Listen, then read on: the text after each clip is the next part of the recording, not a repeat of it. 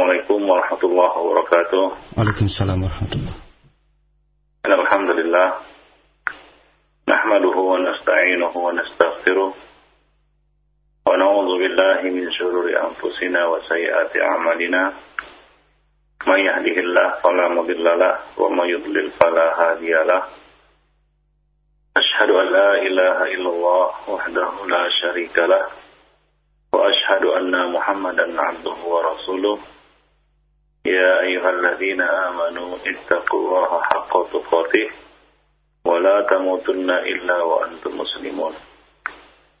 أما بعد فإن أحسن الكلام كلام الله وخير الهدى هدى رسول الله صلى الله عليه وسلم وشر الأمور محدثاتها وكل محدثة بدعة وكل بدعة ضلالة وكل ضلالة في النار Akhwani Fiddin A'azani Allah wa iyyakum jami'an Para pendengar yang berbahagia Alhamdulillah pada pagi ini Kita dapat bertemu kembali di majelis ilmu yang mulia ini Majelis yang penuh berkah kita akan membahas dosa-dosa besar yang diharamkan dalam agama. Dan pada pagi ini kita akan mengupas tentang satu dosa besar, yaitu menahan zakat. Tidak syak lagi, Ikhwanifiddin dan pada para pendengar yang berbahagia, bahwa zakat merupakan salah satu dari rukun Islam yang lima. Wajib bagi siapa saja yang berharta untuk mengeluarkan zakat hartanya apabila telah terpenuhi syarat-syaratnya. Rasulullah Shallallahu Alaihi Wasallam ketika mengutus Muad bin Jabal ke negeri Yaman memerintahkan kepadanya agar mengambil harta dari orang-orang kaya dari mereka untuk dikeluarkan dan diserahkan kepada orang-orang miskin dari mereka. Demikian juga hadis-hadis yang bercerita tentang rukun Islam atau yang menjelaskan tentang rukun Islam. Ya, dijelaskan di situ zakat sebagai salah satu di antara rukun Islam tersebut. Dan juga di dalam Al-Quran, ya di dalam Al-Quran Allah Subhanahu Wa Taala kerap kali menyandingkan dan menyebutkan secara bersamaan perintah untuk mengerjakan sholat dan menunaikan zakat. Maka dari itu, kewajiban ini adalah kewajiban yang sangat agung kewajiban yang berkenaan dengan harta kita, kewajiban yang memiliki dampak sosial terhadap orang-orang yang ada di sekitar kita, yaitu fakir miskin yang merasakan manfaat dan faedah dari pelaksanaan kewajiban ini. Maka tidak selayaknya seorang muslim mengabaikan kewajiban yang agung ini.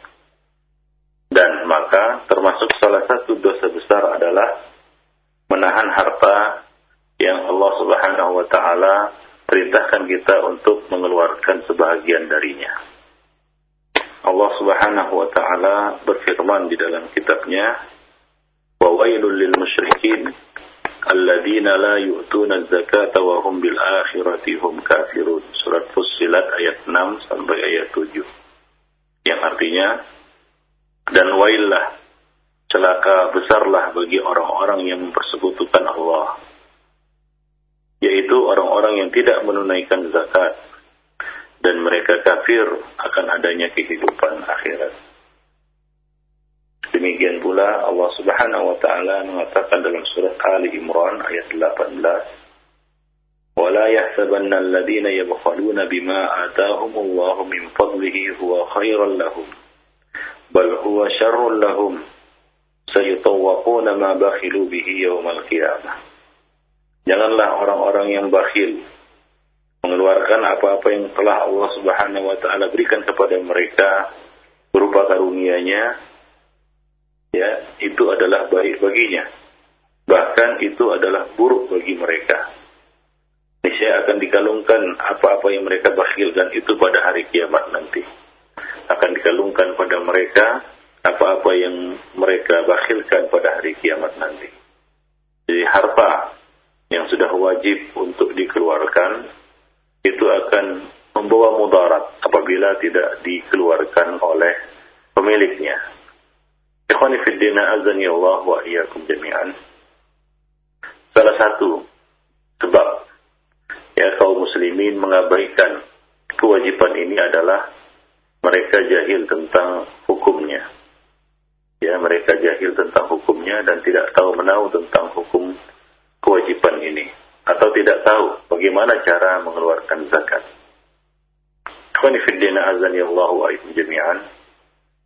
Kewajiban zakat yang ditetapkan atas kaum muslimin ini merupakan bukti keindahan keindahan dinul Islam. Sekaligus juga bukti kepedulian Islam terhadap para pemeluknya. Manfaatnya juga sangat banyak.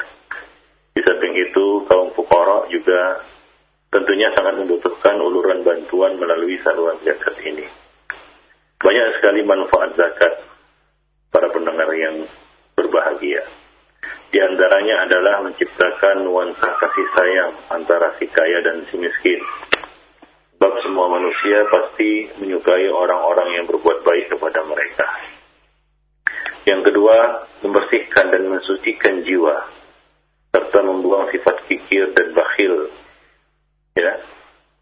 Khudh min amwalihim sadaqatan tutahhiruhum. Allah Subhanahu wa taala mengatakan dalam surat At-Taubah ayat 103 ambillah ya zakat dari sebahagian harta mereka. Dengan zakat itu kamu membersihkan dan mensucikan mereka. Dan berdoalah untuk mereka. Sesungguhnya doa kamu itu menjadi ketentraman jiwa bagi mereka. Yang berikutnya di antara faedah zakat ini adalah membudayakan sifat kedermawanan dan kemuliaan di tengah-tengah kaum muslimin dan menumbuhkan kepedulian sosial ya, terhadap orang-orang yang membutuhkan. Allah Subhanahu wa taala membagi-bagi rezeki, memberikan karunia kepada siapa saja yang dikehendakinya.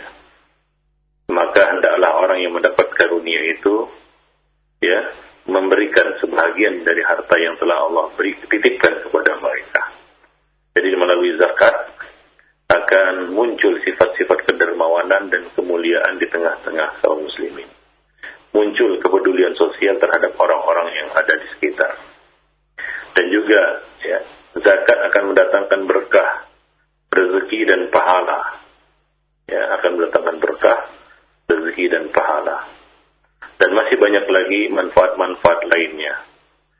Dan Allah Subhanahu wa taala azani Allah wa jami'an dan para pendengar yang budiman telah menyebutkan banyak sekali ancaman terhadap orang-orang yang tidak menunaikan zakat mereka. Seperti di dalam surat At-Taubah ayat 9, uh, eh, ayat 24 ayat 34 Allah Subhanahu wa taala mengatakan والذين يكنزون, يكنزون الذهب والفضة ولا ينفقونها في سبيل الله فبشرهم بعذاب أليم. يوم يؤمى عليها في نار جهنم فتقوى بها جباههم وجنوبهم وظهورهم.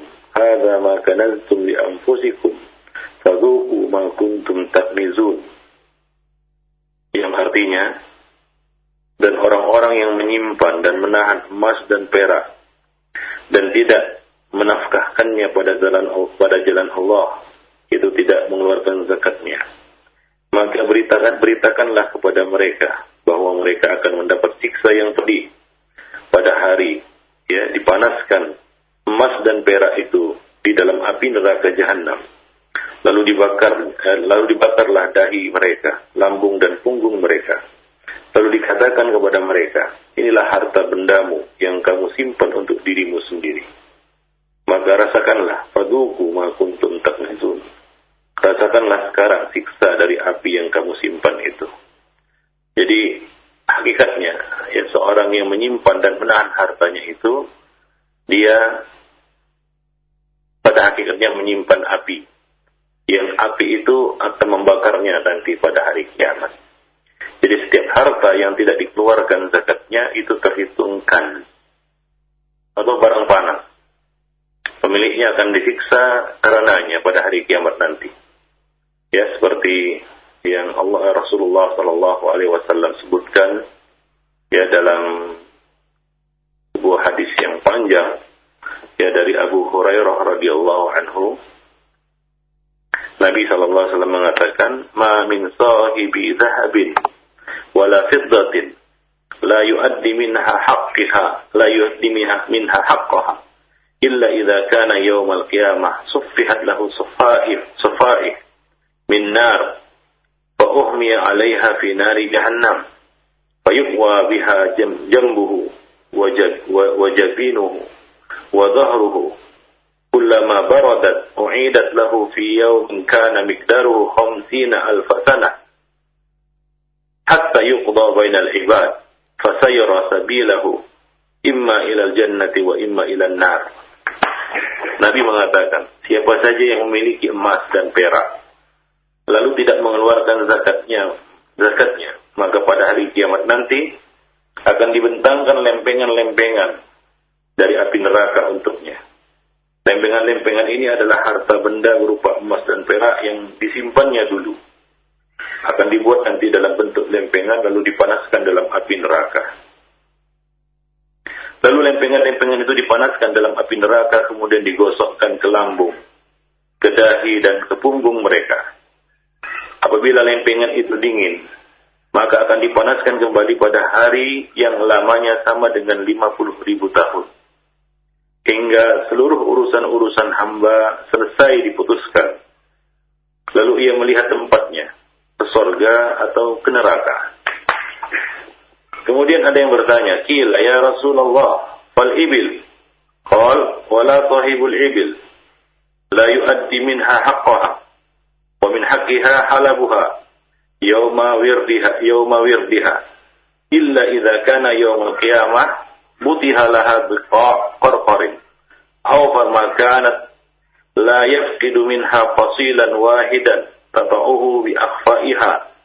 wa ta'adduhu bi afwahiha كلما مر عليه أولادها أو أولاها رد عليه أخراها في يوم كان مقداره خمسين ألف سنة. حتى يقضى بين العباد فيرى سبيله إما إلى الجنة وإما إلى النار. Ketika Rasulullah Shallallahu Alaihi Wasallam menjelaskan tentang kewajiban e, tentang eh, orang-orang yang melalaikan kewajiban mengeluarkan emas dan perak mereka, ya harta yang wajib dikeluarkan zakatnya, yaitu emas dan perak. Ya ada e, empat jenis harta yang wajib dikeluarkan zakatnya, yaitu tanam-tanaman yang tumbuh dari bumi berupa biji-bijian ataupun buah-buahan kemudian binatang ternak, kemudian emas dan perak. Emas, kemudian perak. Ya itulah empat jenis harta yang wajib dikeluarkan zakatnya.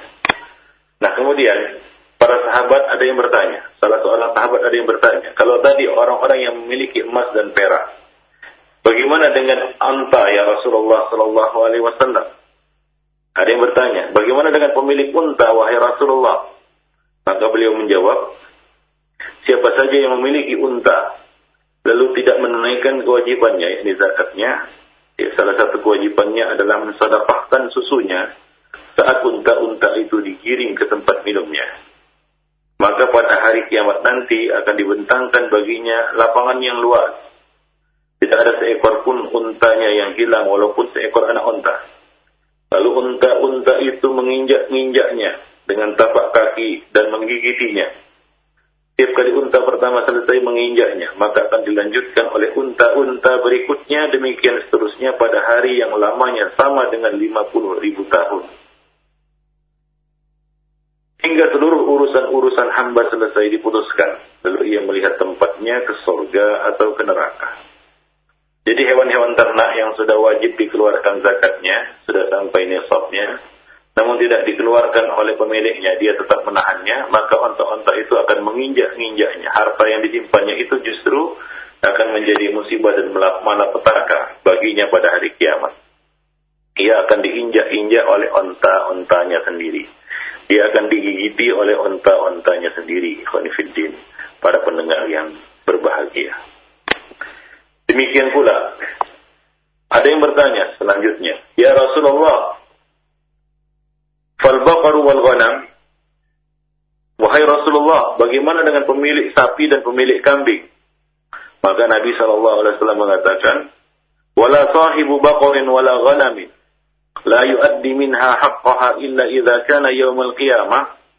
Butiha laha la butiha laha biqa qarqarin. La yafqidu minha shay'an laysa fiha aqsa wala jalha wala adba تنطهه بقرونها وتطعه بأطلافها كلما مر عليه أولى أولاها رد عليه أخرىها في يوم كان مقداره خمسين ألف سنة حتى يقضى بين العباد فيرى سبيله إما إلى الجنة وإما إلى النار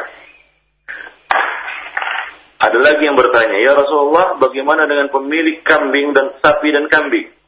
Maka beliau mengatakan, siapa saja yang memiliki sapi dan kambing, lalu tidak menunaikan zakatnya, maka akan dibentangkan baginya lapangan yang sangat luas. Tidak ada seekor pun sapi dan kambingnya yang hilang.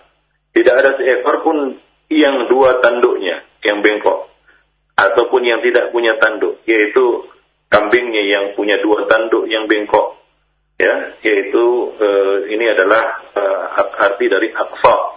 Aksa adalah sapi atau kambing yang bengkok tanduknya. Dua dua tanduknya yang bengkok. Ada ataupun jalha, yaitu sapi atau kambing yang tidak punya tanduk.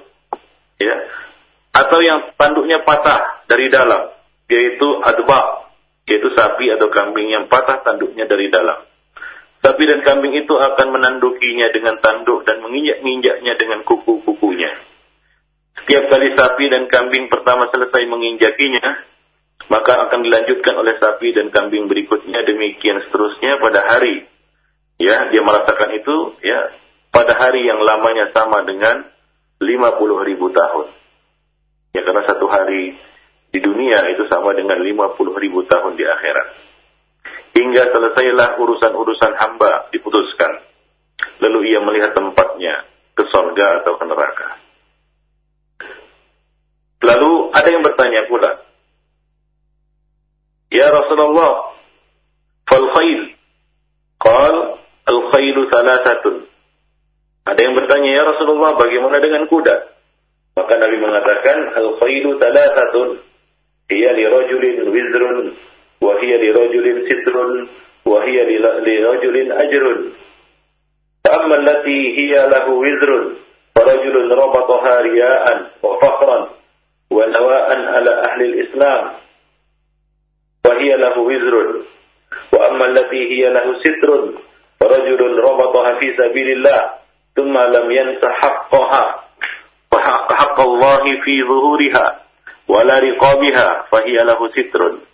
وأما التي هي له أجر فرجل ربطها في سبيل الله لأهل الإسلام في في مرج ورنة فما أقلت من ذلك المرج أو الروضة. Min syai'in illa kutiba lahu adada ma, ma, ma, akalat hasanat wa kutiba lahu adada au arwatiha wa, wa abwaliha hasanat wa la taqta'u tiwalaha fastannat syarafan au syarafaini illa kataba Allah lahu adada athariha wa, ar, wa arwatiha hasanat wa la marra biha sahibuha ala nahrin fasharibat minhu ولا يريد أن يسقيها إلا كتب الله له عدد ما syaribat حسنات Nabi mengatakan, kuda itu ada tiga macam. Kuda yang menjadi dosa atas pemiliknya, kuda yang menjadi tirai ya bagi pemiliknya, dan kuda yang menjadi pahala bagi pemiliknya. Adapun kuda yang menjadi dosa atas pemiliknya adalah kuda yang dipelihara oleh pemiliknya untuk tujuan riak, yaitu pamer dan untuk melawan atau memerangi kaum muslimin. Maka kuda itu menjadi dosa atas pemiliknya. Adapun kuda yang menjadi tirai bagi pemiliknya adalah kuda yang dipelihara untuk tujuan fisabilillah. Kemudian ia tidak melupakan hak Allah dari hasil tunggangannya. Maka kuda itu merupakan tirai baginya. Dan adapun kuda yang menjadi pahala bagi pemiliknya adalah kuda yang dipelihara oleh pemiliknya fi sabilillah untuk kepentingan kaum muslimin. Dilepasnya di padang rumput atau di padang gembalaan, apa pun yang dimakan oleh kuda itu di padang rumput tersebut melainkan akan ditulis pahala kebaikan dari setiap makanan yang dimakannya. Dan akan ditulis bagi pemiliknya eh, pahala kebaikan sebanyak kotoran dan kencing yang dibuangnya. Dan tidaklah tali kekang menuntunnya ke tempat yang dicapainya dengan berlari berlari melewati satu atau dua bukit melainkan Allah Subhanahu wa taala akan menulis uh, baginya pahala kebaikan dari setiap jejak langkah kaki kuda itu. Dan tidaklah penunggangnya melewati sungai. Lalu kuda itu minum darinya. Sementara ia sendiri tidak ingin memberi, memberinya minum. Melainkan Allah Subhanahu wa taala akan menuliskan pahala kebaikan dari setiap air yang diminumnya. Demikianlah ya. Harta itu ada yang menjadi penyebab datangnya dosa atas pemiliknya. Harta itu ada yang menjadi sitrul, ya, tirai penutup ya, dari kemaharan Allah Subhanahu wa taala atas pemiliknya. Dan harta itu ada yang menjadi berkah atas pemiliknya, mendatangkan ya pahala, menjadi aset pahala bagi pemiliknya. Kemudian ada yang bertanya, "Ya Rasulullah, fal khamur?" Maka Nabi mengatakan, "Ma unzila fil khumri syai' fil khumri syai' illa hadhihi al-ayah al-fad al-fadha al-jami'ah. Faman ya'mal mithqala dzarratin khairan yara, faman ya'mal mithqala dzarratin syarran yara." Ada yang bertanya pula, bagaimana dengan pemilik keledai wahai Rasulullah? Maka Rasul menjawab, ya, belum diturunkan kepadaku keterangan tentang keledai kecuali ayat fadha.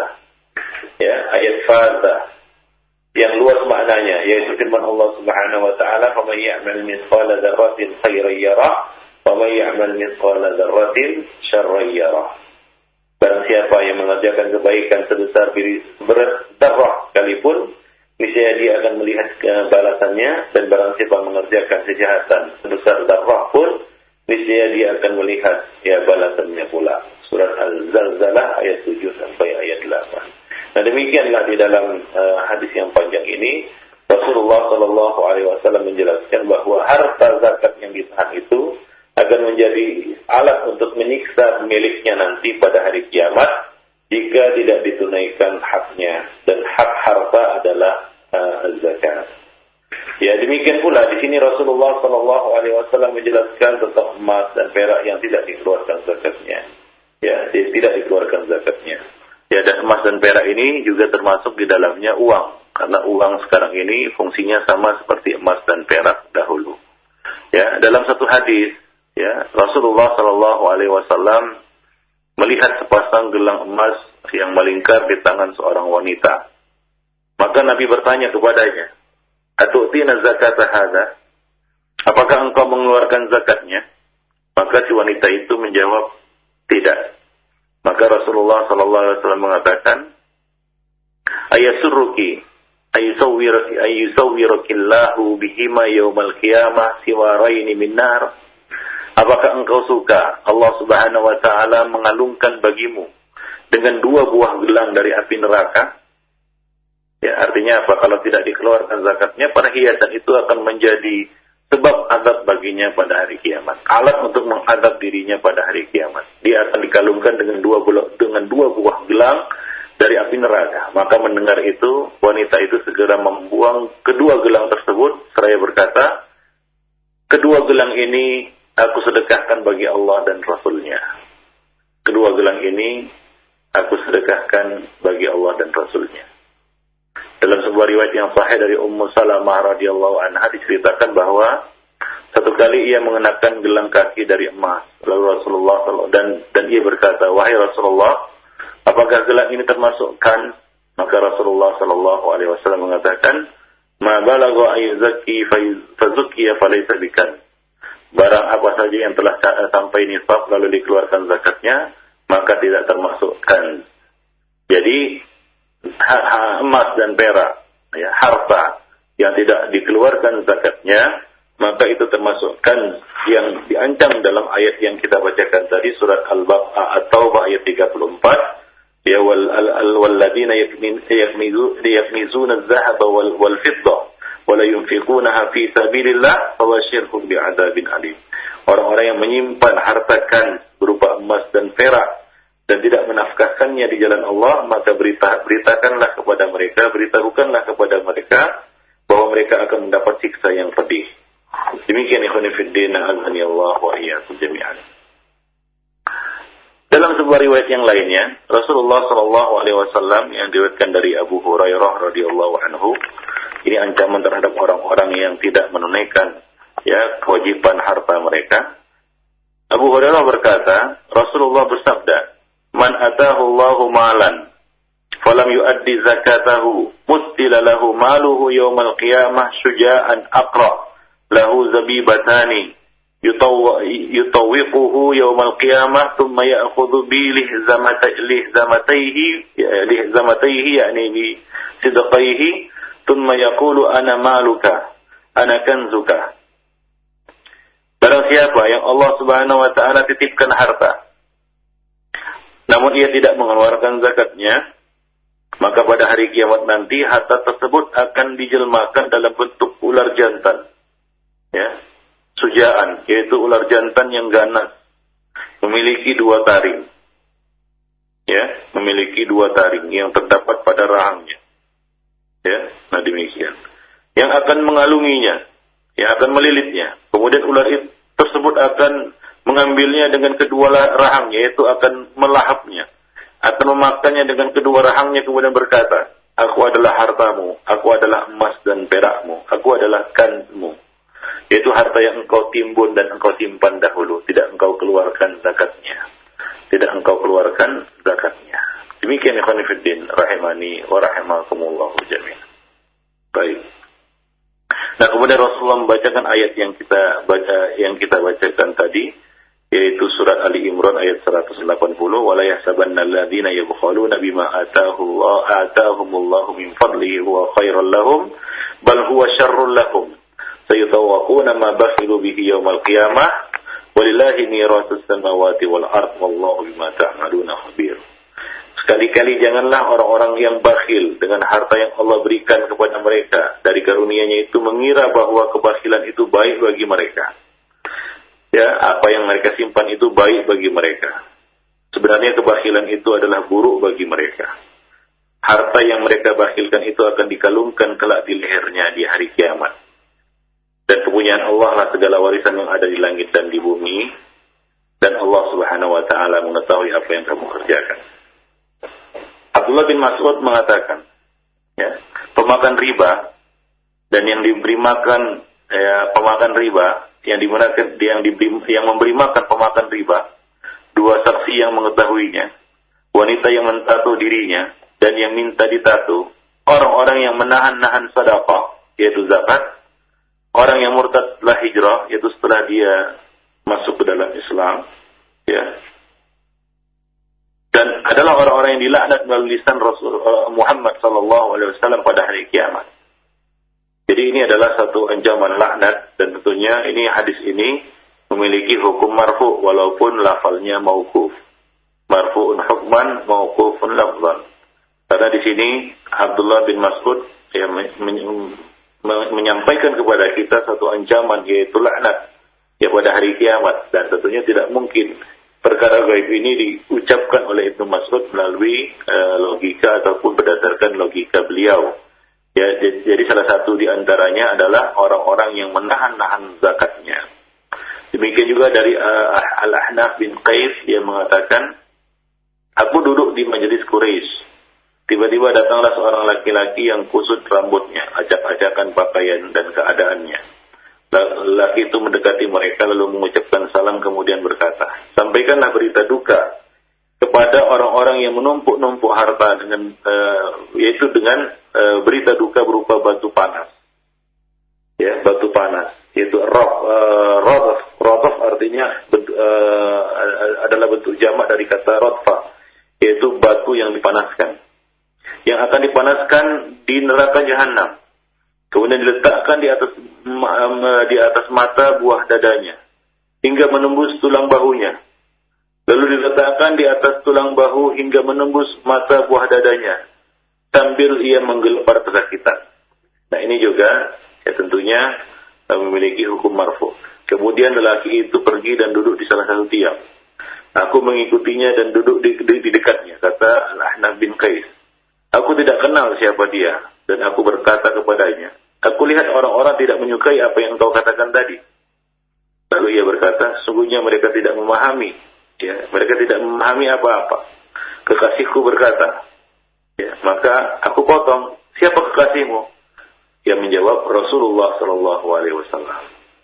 Nah demikian. Ia melanjutkan, Hai Abu Dhar, apakah engkau melihat gunung Uhud?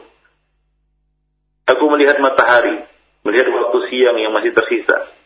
Aku merasa barangkali Rasulullah Sallallahu Alaihi Wasallam akan mengutusku ke sana untuk satu kepentingan. Maka aku pun berkata, ya, aku dapat melihatnya. Kemudian Rasulullah Sallallahu Alaihi Wasallam berkata, Ma uhibbu anna li mithla uhudin dhahaba, unfiquhu kullahu illa thalathata dananir. Aku tidak suka andai kata aku memiliki emas sebesar gunung Uhud, melainkan akan aku infakkan seluruhnya kecuali tiga dinar. Ya kemudian ia melanjutkan, sesungguhnya mereka tidak dapat memahami. Mereka hanya tahu ya mengumpulkan dunia. Demi Allah, aku tidak akan meminta dunia kepada mereka dan aku dan tidak akan bertanya tentang agama kepada mereka hingga aku menemui Allah Subhanahu wa taala. Ternyata laki-laki itu adalah Abu Dzar Al-Ghifari. Ya, Abu Dzar Al-Ghifari. Jadi ikhwanifiddin azani Allah wa iyyakum jami'an. Eh, hadis-hadis tersebut menjelaskan kepada kita ancaman yang berat ya atas orang-orang yang memiliki harta, orang-orang kaya yang memiliki harta tapi dia tidak menunaikan kewajiban zakatnya. Ya. Jadi besar dosanya ya menahan zakat dan besar juga siksa dan hukumannya nanti di akhirat. Ya harta itu justru akan menjadi wabal, akan menjadi malapetaka, akan menjadi alat untuk menyiksa dirinya ya pada hari kiamat nanti khonifiddin rahimani wa rahimakumullah jami'an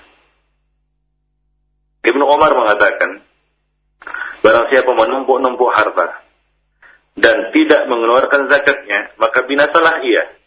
Ya binasalah ia.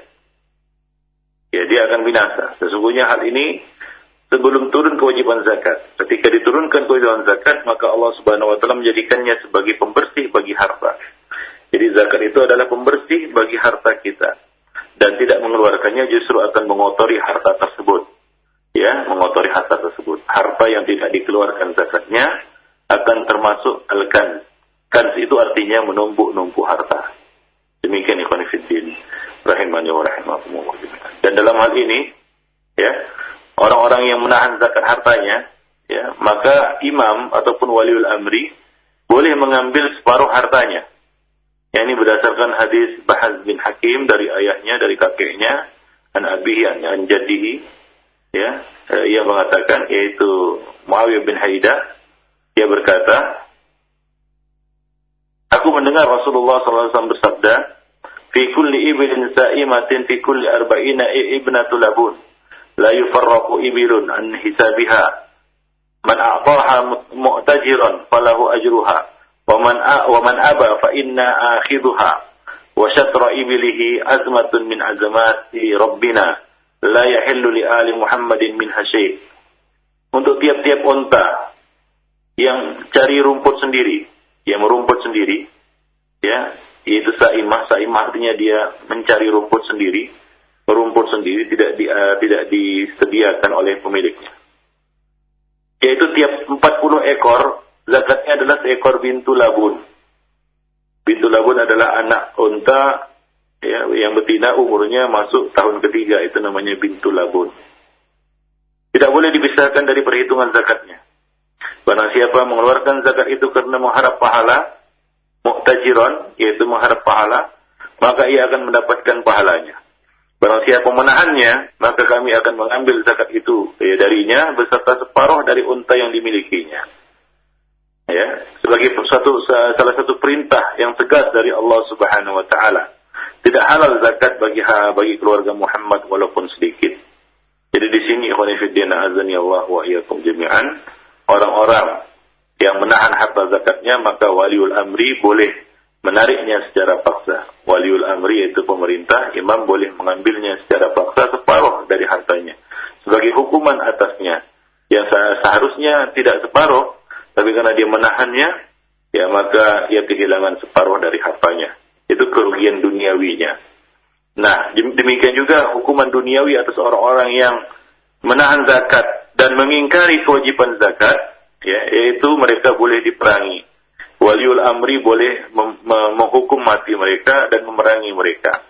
Sebagaimana yang dilakukan oleh Abu Bakar As-Siddiq terhadap ahlul riddah, yaitu orang-orang yang tidak mau mengeluarkan zakat mereka. Ya, Abu Bakar As-Siddiq memerangi mereka, ya, memerangi mereka dan apa namanya menghalalkan darah mereka karena mereka mengingkari kewajiban zakat tersebut. Demikian ikhwan fillah azani Allah wa jami'an itulah hukum duniawi atas orang-orang yang menahan zakatnya yaitu hartanya kalau dia tidak mengingkari kewajibannya maka diambil separuh dari hartanya itu. Ya, kalau dia mengingkari kewajibannya maka waliul amri ya boleh memerangi mereka. Ya, boleh memerangi mereka. Baik, tentunya ini hukum duniawi ini ya dilakukan eksekusinya, eksekusi hukumnya oleh pemerintah ya, oleh waliul amri ya bukan oleh pihak-pihak lain. Nah, demikianlah ikhwan fillah azani Allah wa iyyakum jami'an berkaitan dengan uh, apa namanya kita katakan uh, dosa ya orang-orang yang menahan zakat harta mereka. Maka dari itu ikhwan fillah hendaklah kita perhatikan ya, apakah ada hak orang lain pada harta kita. Wa fi amwalihim haqqun wa fi amwalihim haqqun lis-sa'ili wal mahrum dan pada harta mereka terdapat hak bagi baik bagi orang-orang yang meminta maupun orang-orang yang tidak meminta. Ya, maka sudah selayaknya bagi seorang muslim untuk mengaudit dan menghitung hartanya. Jangan-jangan dia termasuk orang-orang yang sudah wajib zakat tapi karena tidak pernah menghitungnya, tidak tahu ya atau e, lalai atau mengabaikannya maka dia mengabaikan kewajiban yang agung ini. Akibatnya adalah dia bisa jatuh dalam ancaman yang yang kita sebutkan tadi ikhwanifiddin rahimani wa rahimakumullah jami'an. Ya kalau kita lihat sekarang ini ya banyak ya orang kaum muslimin yang mengabaikan kewajiban ini karena mereka e, satu tidak tahu menahu ya tentang zakat. Bagaimana cara mengeluarkan zakat? Ya bagaimana cara mengeluarkan zakat berapakah nisab dan apa itu haul. Eh, sebagian dari mereka tidak tahu menawa apa itu nisab, apa itu haul. Nah kemudian ikhwanifiddin azani Allah wa iyyakum jami'an. Sebagian dari mereka ada yang tahu, tapi sikap kikir dan bakhil menahan mereka untuk mengeluarkan harta mereka itu. Ya, kikir dan bakhil ini. Allah Subhanahu wa taala telah apa namanya mencela orang-orang yang kikir dan bakhil dan Allah mengatakan dalam surah Al-Ma'arij innal insana khuliqa halu'a idza massahu syarru jazua wa idza massahu wa idza massahu khairu manua ya sesungguhnya manusia itu diciptakan bersifat keluh kesah lagi kikir. Apabila ia ditimpa kesusahan ia berkeluh kesah. Apabila ia mendapat kebaikan dapat harta dapat rezeki dapat karunia maka ia amat kikir. Bahkan al insanu qatura. Qatura itu artinya kikir ikhwan dan adalah manusia itu adalah orang-orang yang kikir ya. Manusia itu adalah makhluk yang kikir. Jadi ada sifat kikir dalam diri kita yang harus kita bersihkan ya. Yang harus kita bersihkan dengan ya mengeluarkan infak dan ya, melatih diri untuk berinfak dan bersedekah. Ya Rasulullah juga telah mengatakan dalam satu hadis ya syarru ma fi rajulin hali'un khali'un. Sifat yang paling buruk pada seseorang adalah kikir dan keluh kesah serta takut dan pengecut. Ya syahun hali'un jubudun khali'un. Itu sifat yang buruk sekali. Kikir dan suka berkeluh kesah mengeluh dan mengadu kepada makhluk tidak kepada Allah Subhanahu wa taala serta takut dan pengecut. Ya jubudun khali'un dan Rasulullah juga mengatakan la yastami la yastami'u barun fi sabilillah wa dukhanu jahannam fi jawfi 'abdin abadan wa la yastami'u asyuh wal imanu fi qalbi 'abdin abadan. Tidak akan berkumpul debu fi sabilillah dengan asap jahannam pada diri seorang hamba. Dan tidak akan terkumpul sifat kikir dan iman pada hati seorang hamba selamanya. Jadi mukmin itu bukanlah orang yang yang kikir dan bakhil ikhwan fillah Ya, jadi salah satu uh, apa namanya uh, penyebab orang-orang itu menahan harta mereka tidak mengeluarkan zakat adalah karena mereka memelihara sifat kikir ini pada diri mereka ikhwan rahimani wa rahimakumullah jami'an. Dan salah satu juga perkara yang menahan manusia yang mengeluarkan zakat adalah toma. Ya, toma. Ya, Asma binti Abi Bakar menceritakan bahwa ia menemui Rasulullah SAW berkata, Wahai Nabiullah, aku tidak memiliki sesuatu pun kecuali yang diberikan oleh Az-Zubair kepadaku. Bolehkah aku mengeluarkan sedikit dari harta yang diberikannya itu? Maka Nabi mengatakan, Irdahi ma mastata'ti, wala tu'i, fayu'i Allahu alaik. Bersedekahlah selama kamu mampu. Yang mampu kamu keluarkan, yang kamu sedekahkan, sedekahkan. Janganlah menahan-nahan harta hingga Allah Subhanahu wa taala akan menyempitkan rezekimu. Orang-orang yang pamak dan menahan harta mereka mengira bahwasanya harta itu akan langgeng dan abadi di sisi mereka, ya, di tangan mereka. Tapi justru sebaliknya Allah Rasulullah mengabarkan di sini, la tu'i fayu'i Allahu alaik. Janganlah kamu nahan-nahan harta hingga Allah Subhanahu wa taala akan menahan eh, karunia-Nya atas dirimu ikhwan fillah rahimani wa rahimakumullah jami'an baik nah demikianlah ya yaitu uh, apa namanya salah satu perkara juga yang kita katakan menghambat seorang itu untuk uh, melaksanakan kewajibannya ini yaitu kewajiban uh, apa namanya mengeluarkan harta zakatnya dan salah satunya adalah ya perkara yang menahan manusia itu atau seorang muslim itu mengeluarkan zakatnya adalah karena dia sudah menjadi hamba dinar dan hamba dirham. Ya, dia sudah menjadi hamba dinar dan hamba dirham. Nah, ini adalah satu per, uh, kondisi yang sangat parah ya. Seorang telah menjadi hamba dinar dan hamba dirham. Hingga ia begitu sayang terhadap hartanya dan enggan untuk mengeluarkannya sebagai zakat, sebagai satu kewajiban. Nabi SAW telah mengingatkan kepada kita ya dalam satu hadis, Ta'isa abdud dinar wa abdud dirham wa abdul khamisah in u'tiya radiya wa in lam yu'ta sakhir ta'isa wa takas wa idha shika falan tafash. Rugilah hamba dinar dan hamba dirham. Hamba khamisah yaitu hamba pakaian sutra. Jika diberi ia senang, jika tidak diberi ia marah. Celaka dan merugilah. Apabila tertusuk duri, Moga-moga duri itu tidak akan tercabut darinya. Nah ini adalah suatu doa yang buruk atas orang-orang yang menjadi hamba dinar dan dirham ya. Azani Allah wa iyyakum jami'an. Baik. Ya. Nah, itu itulah konfidin uh, kajian kita pada hari ini berkaitan dengan uh, dosa menahan dan uh, tidak mengeluarkan zakat ya. Nah, mudah-mudahan ini menjadi pelajaran bagi semua dan menjadikan kita lebih berhati-hati terhadap harta titipan yang Allah Subhanahu wa taala berikan kepada kita ini. Hendaklah kita perhatikan bahwa ya satu bahwa harta itu ya ada kewajiban ya yang harus kita keluarkan yaitu kewajiban zakat. Maka jangan diabaikan kewajiban ini. Allahu a'lam bishawab. Aku wa li hadza wa wa lakum wa muslimin innahu huwal ghafurur rahim.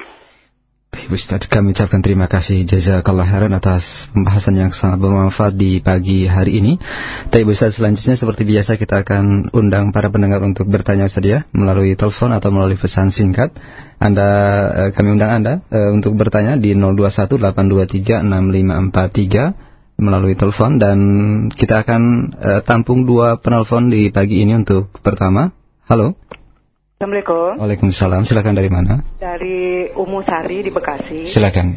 Mau tanya Pak Ustadz, ya. kalau uang ada di tangan orang, uh, dan uang itu ada di tangan hmm. anak.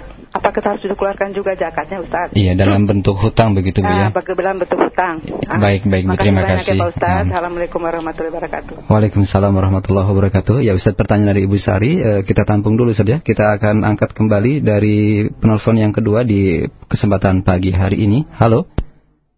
Baik, terputus kami berikan kesempatan untuk Anda di 0218236543 di belakang Ibu Sari. Halo. Nah, terputus tampaknya. Tapi bisa mungkin kita akan uh, sampaikan pertanyaan dari Bu Sari terlebih dahulu mengenai uh, uang dalam bentuk piutang, apakah harus dikeluarkan zakat juga? Ustaz, silakan. Ya, hutang ada dua macam. Ya, hutang dari orang yang musir dan hutang dari orang yang musir. Artinya orang yang berhutang itu ada dua kondisinya. Hutang orang yang kesulitan, ya misalnya orang yang jatuh pailit bangkrut ya dan hutang dari orang yang berkelapangan musir Artinya dia memiliki harta karena ada juga orang-orang yang berharta memiliki hutang berhutang dia. Misalnya untuk uh, apa namanya kita katakan uh, untuk uh, bisnisnya, untuk uh, usahanya dan jenisnya. Nah, hutang dari orang yang muksir ini tidak dihitung sebagai harta yang wajib dizakati, ya, tidak dihitung dalam uh, harta yang harus dikeluarkan zakatnya, ya. Kalau orang yang berhutang kepada kita itu adalah orang yang yang kesusahan, kesulitan, dia nggak tahu kapan dia akan kembalikan hutangnya itu. Ya karena kondisinya yang sulit. Ya, nah demikian. Adapun ya hutang dari orang yang berkelapangan, ya, ya orang yang berkelapangan, nah itu uh, dihitung ya masuk dalam uh, kita katakan uh, harta yang harus dihitung zakatnya harta yang harus dihitung zakatnya. Nah, demikian. Jadi dilihat hmm. kepada kondisi orang yang berhutang. Hmm. Ya, apakah kondisinya itu muksir atau musir. Kalau muksir yaitu kesulitan, maka ya tidak perlu dihitung ya, apa namanya zakat tersebut. Ya, nah demikian. Dan uh, apa namanya kalau dia itu musir ya apa namanya berkelapangan maka ya tentunya uh, dihitung ya sebagai harta zakat. Wallahu a'lam bishawab. Nah, baik, terima kasih atas jawaban Ustaz. Baik, eh, kita angkat dari penelpon yang kedua ada Ibu Lia di Jagakarsa. Silakan Ibu. Assalamualaikum warahmatullahi wabarakatuh Ustaz. Waalaikumsalam warahmatullahi wabarakatuh. Uh, begini Ustaz, bagaimana dengan gaji yang didapat setiap bulannya? Baik hmm. itu besar atau kecil, apakah wajib juga uh, dizakatkan? Itu yeah. saja Ustaz, mohon yeah. nasihatnya. Nah. Assalamualaikum warahmatullahi wabarakatuh. Waalaikumsalam warahmatullahi Atau yang lebih populer dengan zakat profesi begitu Ustaz ya? Nah, yeah, bagaimana Ustaz penjelasan? Baik, uh, saya tambahkan dari tadi ya, yang nah. mengenai apa namanya harta piutang tadi. Nah. Ya, uh, ada satu uh, fatwa juga dari Syekh bin Bas berkaitan dengan hal ini. Nah ya uh, beliau pernah ditanya uh, dari seorang yang memiliki piutang pada seorang teman apakah ia wajib mengeluarkan zakat dari piutang tersebut? Maka beliau jawab jika piutang itu di tangan orang yang berkelapangan untuk melunasinya maka kapan saja uh, maksudnya adalah kapan saja anda memintanya pasti ia bisa melunasinya maka anda wajib atau uh, wajib mengeluarkan zakatnya setiap kali genap satu haul ya harta piutang hak anda itu tak ubahnya seperti titipan kata beliau ya pada orang tersebut. Namun jika piutang itu ada di tangan orang yang berkesempitan, tidak mampu melunasi hutangnya atau tidak berkelapangan, ya, atau ia berkelapangan namun mengulur-ulur pelunasan utang hutangnya eh, sementara kita tidak kuasa memaksanya untuk melunasi hutang tersebut, maka menurut ulama pendapat ulama yang terpilih adalah ya tidak wajib mengeluarkan zakat harta piutang yang dalam kondisinya seperti itu hingga kita menerimanya dari orang tersebut ya. Hingga kita menerimanya dari orang tersebut. Itu orang itu mengembalikan uang itu. Nah demikian Fiddin. Uh, apa namanya uh, jawaban dari uh, Syekh bin Baz di dalam masalah ini. Nah kemudian uh, ada yang bertanya tentang masalah uh, apa tadi zakat gaji, profesi, ya? enam gaji. Zakat, zakat profesi. Nah. Zakat profesi itu tidak ada ya. Zakat profesi itu tidak ada. Ya. Profesi, uh, profesi apa pun atau uh, kita katakan uh, niaga perniagaan dan sejenisnya itu pada hakikatnya tidak ada zakatnya karena tidak ada dinukil dari Nabi SAW bahwa beliau mengambil uh, zakat dari uh, apa namanya uh, para pegawai ya atau para eh, pekerja atau buruh ya. Nah, nggak ada ya riwayat satupun bahwasanya Nabi Shallallahu Alaihi Wasallam mengambil zakat harta dari mereka. Ya, mengambil zakat harta dari mereka. Jadi tidak ada ya zakatnya. Wallahu alam bisawab. Nah, uh, kecuali ya uh, apa namanya gaji bulanan yang lebih lalu kita simpan ya dalam bentuk tabungan atau emas, perak dan sejenisnya, ya maka ini wajib kita keluarkan zakatnya apabila sudah sampai satu uh, nisabnya dan telah mencapai satu haul, genap satu haul. Adapun e, gaji itu sendiri itu tidak ada apa namanya tidak ada zakatnya. Wallahu alam bisawab ya. Wallahu alam bisawab. Ya. Walaupun di sana ada orang-orang yang berpendapat ya ada ya apa namanya e, zakat tersebut. Ya, saya bin, bin Jibrin pernah ditanya ya ya oleh seseorang dia ada yang bertanya, saya seorang pegawai di sebuah perusahaan swasta dalam negeri. Gaji saya setiap bulan sebesar 4.000 real Saudi, termasuk uang sewa rumah sebesar 1.000 real. Uh, jadi uh, dia dipotong jadi tinggal 3.000 real untuk sewa rumah 1.000 real. Ya, apakah saya wajib mengeluarkan zakat harta? Jika wajib berapa jumlahnya katanya. Kemudian diketa, perlu diketahui bahwa tidak ada pemasukan sampingan kecuali gaji tersebut. Maka beliau menjawab, apabila Anda telah memiliki kecukupan atau kelebihan dari gaji bulanan, ya maka wajib dikeluarkan zakatnya apabila telah mencapai nisab, yaitu sekitar 400 uh, rial Saudi, yaitu untuk ukuran sana ya. Hal itu jika jumlah nisab tersebut telah berlalu satu haul, yaitu satu tahun. Apabila Anda menyisihkan sejumlah uang dari gaji bulanan untuk ditabung, maka yang terbaik dan yang paling selamat adalah mengeluarkan zakat dari uang yang Anda tabung itu pada bulan tertentu setiap tahunnya. Misalnya untuk mudah, misalnya bulan Ramadan ya, misalnya begitu. Nah jumlahnya adalah dua setengah persen dari harta yang dimiliki. Wallahu alam bisawab.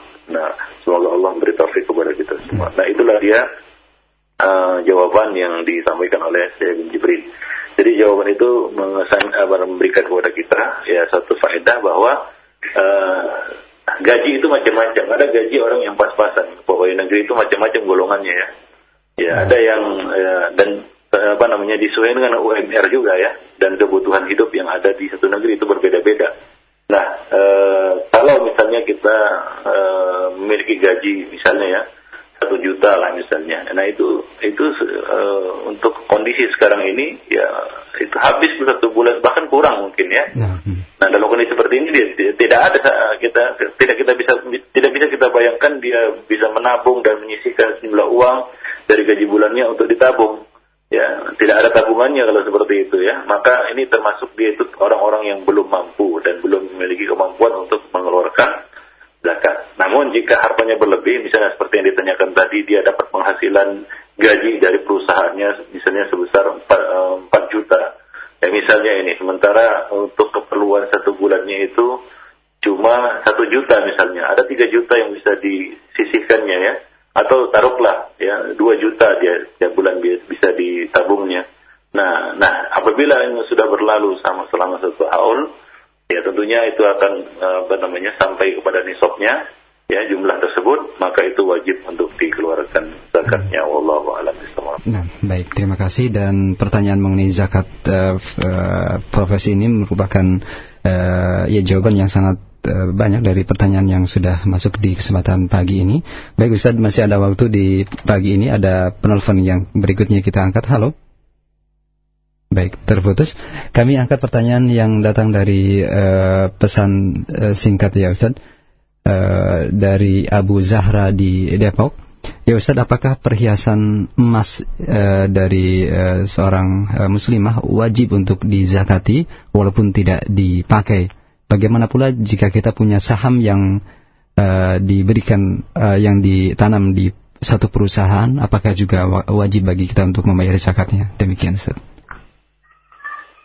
Ya, zakat perhiasan ada ya dan wajib dikeluarkan ya. Zakat perhiasan emas dan perak itu wajib dikeluarkan walaupun disimpan tidak dipakai. Nah demikian Ikhwan Fiddina azan ya Allah wa iyyakum jami'an. Adapun zakat saham ya. Uh, zakat saham uh, ini pernah ditanyakan juga ke, uh, ke Lejnah Daimah berkaitan dengan saham yang jawabannya adalah sebagai berikut. Ya bentuk saham yang ya apa namanya uh, itu termasuk barang pernia, uh, barang niaga ya yang wajib dikeluarkan zakatnya. Ya, pemilik saham wajib menghitung nilai saham miliknya setiap tahun ya tanpa perlu melihat harga. Jika ia memiliki harta wajib dikeluarkan zakatnya. Jika tidak maka ia wajib mengeluarkan zakat harta tahun-tahun sebelumnya ya setelah dijual dan diterima uangnya. Nah demikian itu uh, zakat uh, saham ya. Zakat yang kita punya saham ya di satu perusahaan maka itu terhitung barang simpanan ya, barang simpanan. Biasanya kita menanam misalnya 10 juta ya, maka itu termasuk simpanan. Ya, nah wallahu a'lam bishawab. Nah, demikian.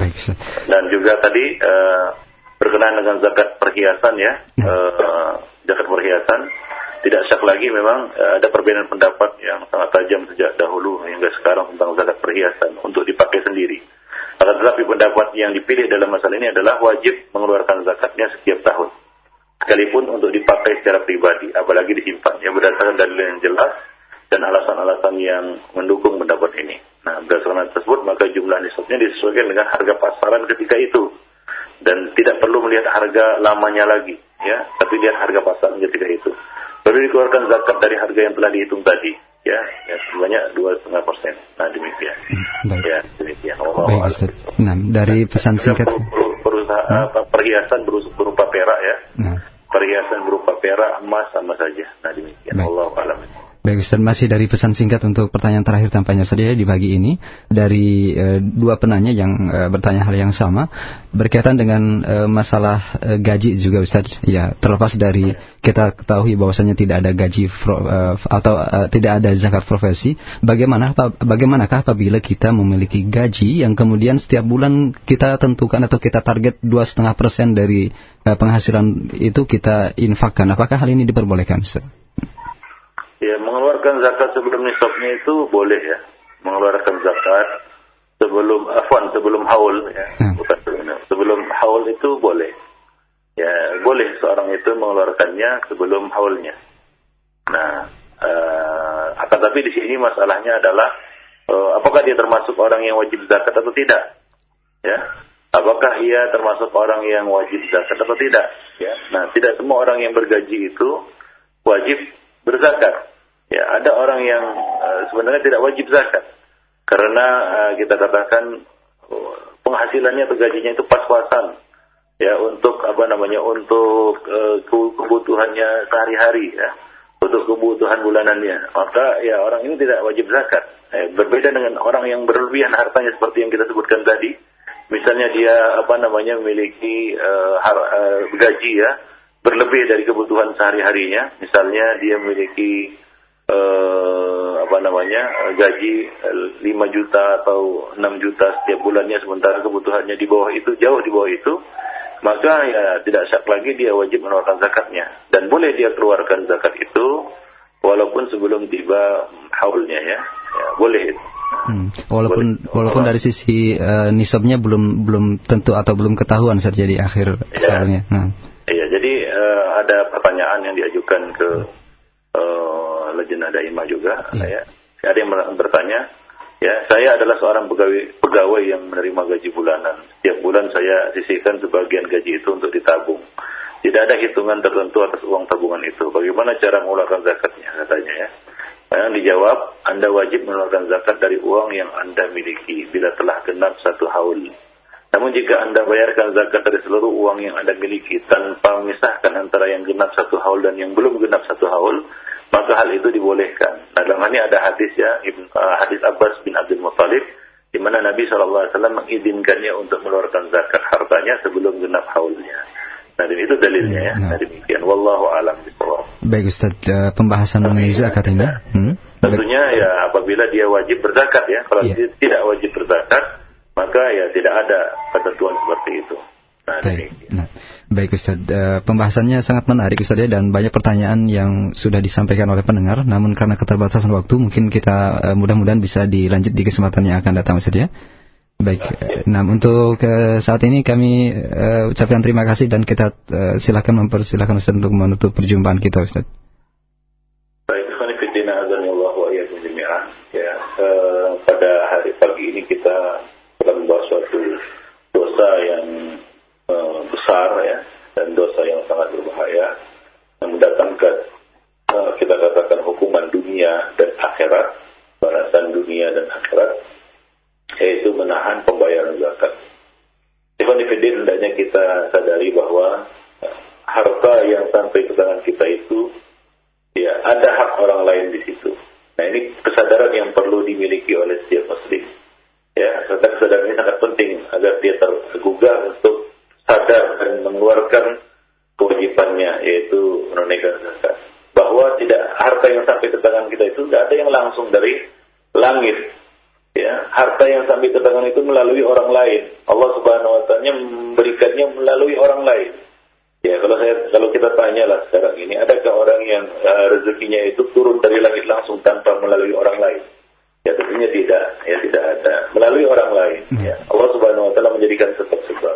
Nah kadang-kadang manusia itu lupa bahwasanya ada saham orang lain, hak orang lain pada hartanya. Ya ada bagian orang lain, ada uh, jasa orang lain pada harta yang dimilikinya. Karena harta itu sampai ke tangannya tidaklah langsung dari Allah Subhanahu wa taala dari langit seperti mana dan salwa, kan begitu ya. Uh, tetapi melalui orang lain. Maka uh, sadarilah ada hak orang lain untuk uh, diberikan pada harta kita itu. Nah, Islam telah mengaturnya dalam bentuk satu kewajiban yaitu uh, zakat. Dan ini dijadikan sebagai salah satu rukun ya di dalam uh, dinul Islam. Nah, demikian nah, Ikhwanifiddin. Mudah-mudahan ya Allah Subhanahu wa taala memberikan uh, kesadaran kepada kita dan kekuatan kepada kita untuk dapat menjalankan agamanya dan terhindar dari dosa besar ini yaitu menahan harta zakat. Wallahu a'lam bishawab. Demikian saja mudah-mudahan ada manfaatnya bagi saya pribadi dan bagi para akhwafiddin dan para pendengar yang budiman. Aqul qawli hadza wa astaghfirullah lakum muslimin innahu huwal ghafurur rahim. Baik Ustaz. Terima kasih jazakallah khairan atas pembahasan yang sangat bermanfaat di pagi ini dan demikian ikhwatal iman akhir dari pertemuan kita untuk Selasa pagi ini dari pembahasan al-kabair poin dari pembahasan uh, dosa dalam menunda atau uh, tidak membayarkan zakat dari harta yang telah Allah Ta'ala uh, amanahkan kepada setiap hamba. Semoga bermanfaat kajian bersama Al-Ustaz Abu Ihsan Al-Maidani Hafirullahu Ta'ala tadi dan semoga Allah Subhanahu Wa Ta'ala memberikan keberkahan pada Ustaz beserta keluarganya. Saudaraku seiman mohon maaf yang sebesar-besarnya. Begitu banyak pertanyaan dari pesan singkat yang tidak bisa kami ajukan uh, berkaitan dengan keterbatasan waktu kita di pagi ini. Mohon maaf untuk uh, ada Pak Hendra di Tangerang yang telah menyampaikan pertanyaannya, Pak Said di Bangka, ada Mu Fauzan di Bekasi, ada Pak uh, Amin di Pasaman Barat, dan begitu banyak pertanyaan yang lainnya yang telah disampaikan oleh para pendengar dari uh, berbagai daerah. Semoga Allah Subhanahu wa taala mempertemukan kembali kita bersama Ustaz di kesempatan yang akan datang dan Anda bisa juga untuk bertanya kembali kepada beliau. Dan ikhwatal iman saat ini pukul 9 lebih 5 menit waktu Indonesia Barat. Kami akan hadirkan kembali ke ruang dengar Anda lantunan tilawah Al-Quranul Karim hingga diselenggarakannya program acara kita di kesempatan pagi hari ini pembahasan uh, dialog interaktif dunia kesehatan pada pukul 9.15 menit waktu Indonesia Barat dan berikutnya tilawah Al-Quranul Karim kami hadirkan ke ruang dengar Anda bersama uh, Qari Mishari bin Rashid Al-Afasi surat ke-26 surat Asy-Syu'ara. Selamat mendengarkan. Mohon maaf yang sebesar-besarnya atas segala kekurangan dan kebaifan serta kekurangan kami. Wassalamualaikum warahmatullahi wabarakatuh.